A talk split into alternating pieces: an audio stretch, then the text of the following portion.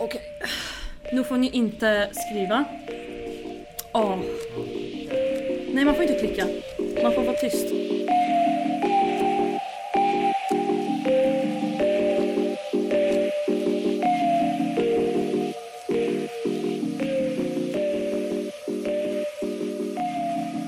Hej och välkomna till Off-podden.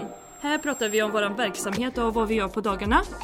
Och idag pratar vi med Försvarsmakten och Adam Krigsman. Hej Adam! Hej Dominika! Vad roligt du är här! Ja, tack, tack. Vi pratar i telefon så vi får hoppas att kvalitet är bra nog. Ja, jag får hoppas att jag sitter i någorlunda ljuddämpat rum här så att ni hör mig. Ja, nej men det, då hörs ju bra. Tyvärr att då kunde du inte vara här idag. Nej, tyvärr. Jag har lite andra tjänstgöringar här på agendan så att... Eh, så här får det bli idag. Kan du berätta vad du gör då?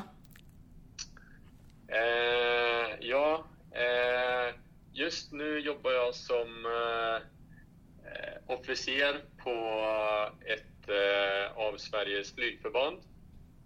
Eh, och jobbar som eh, ja, lastmästare på eh, TP84 Hercules.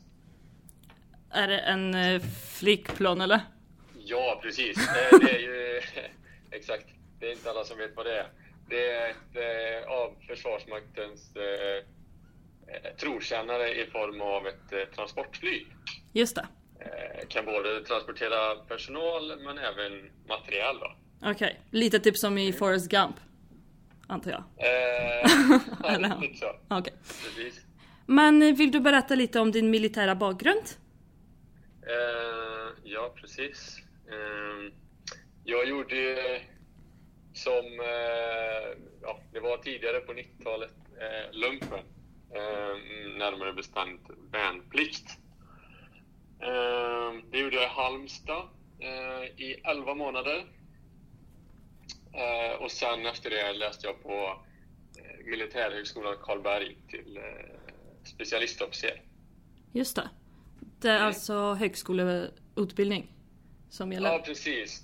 Ja, det är en militär eh, högskoleutbildning om vi säger så. Just det. Men eh, visst är det så att det inte är många unga som vill vara med i Försvarsmakten nu för tiden? Eller hur ser det ut med personalbehov? Ja, eh, kommande åren så finns det ett enormt eh, personalbehov eh, i och med att många äldre personer går i pension.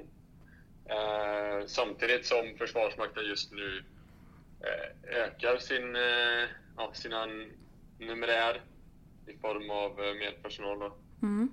Eh, I och med att ja, det är en ökad hotbild och eh, försvaret är anpassat mer till Sverige eh, till skillnad från utlandstjänster som det har varit de senaste ja, säg, tio åren.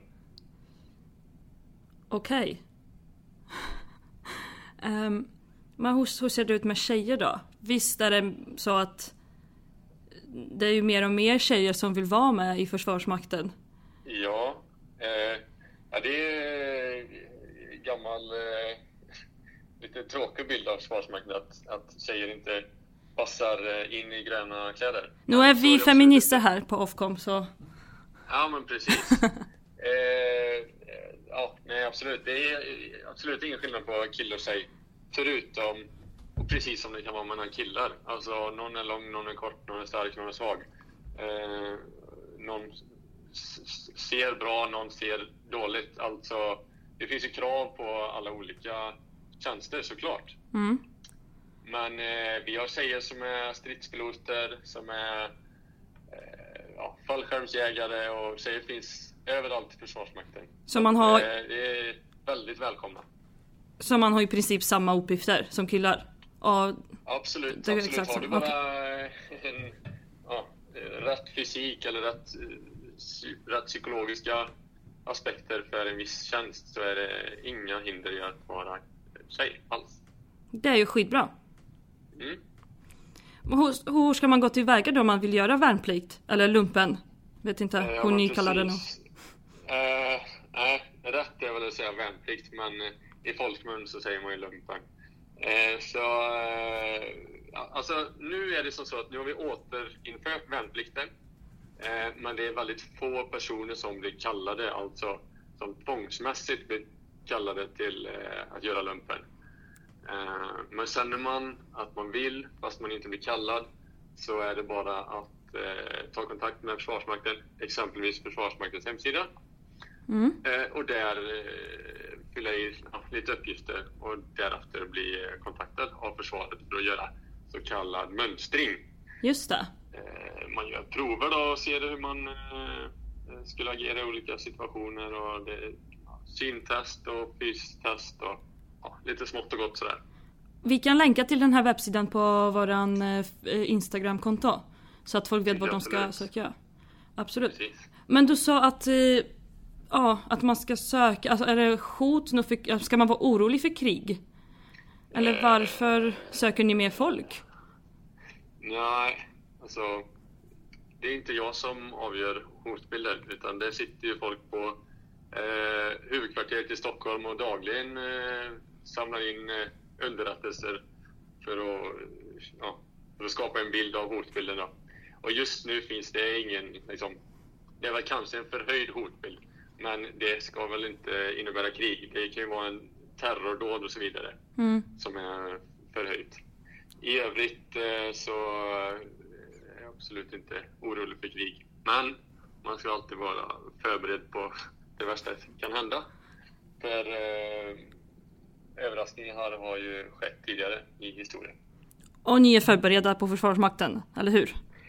Ja, vi, vi eh, övar ju dagligen för att kunna verka när det värsta, värsta, värsta händer. Mm. Det är då vi... Det är det vi övar inför varje, varenda dag. Det är bra, då kan vi säga till de som lyssnar att man kan vara någorlunda lugn. Jajamän, jajamän. Ja, det är, det är bra, det känns lite bättre nu. Ja, härligt.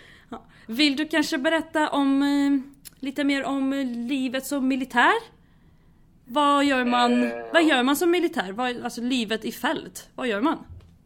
Ja, det är, det är en viss skillnad där, men om vi säger urbilden som jag tror att folk har av livet i fält, det är ju äta mat i, Mm. i någon slags grönpåse, sova ute i skogen, sitta eldpost på nätterna.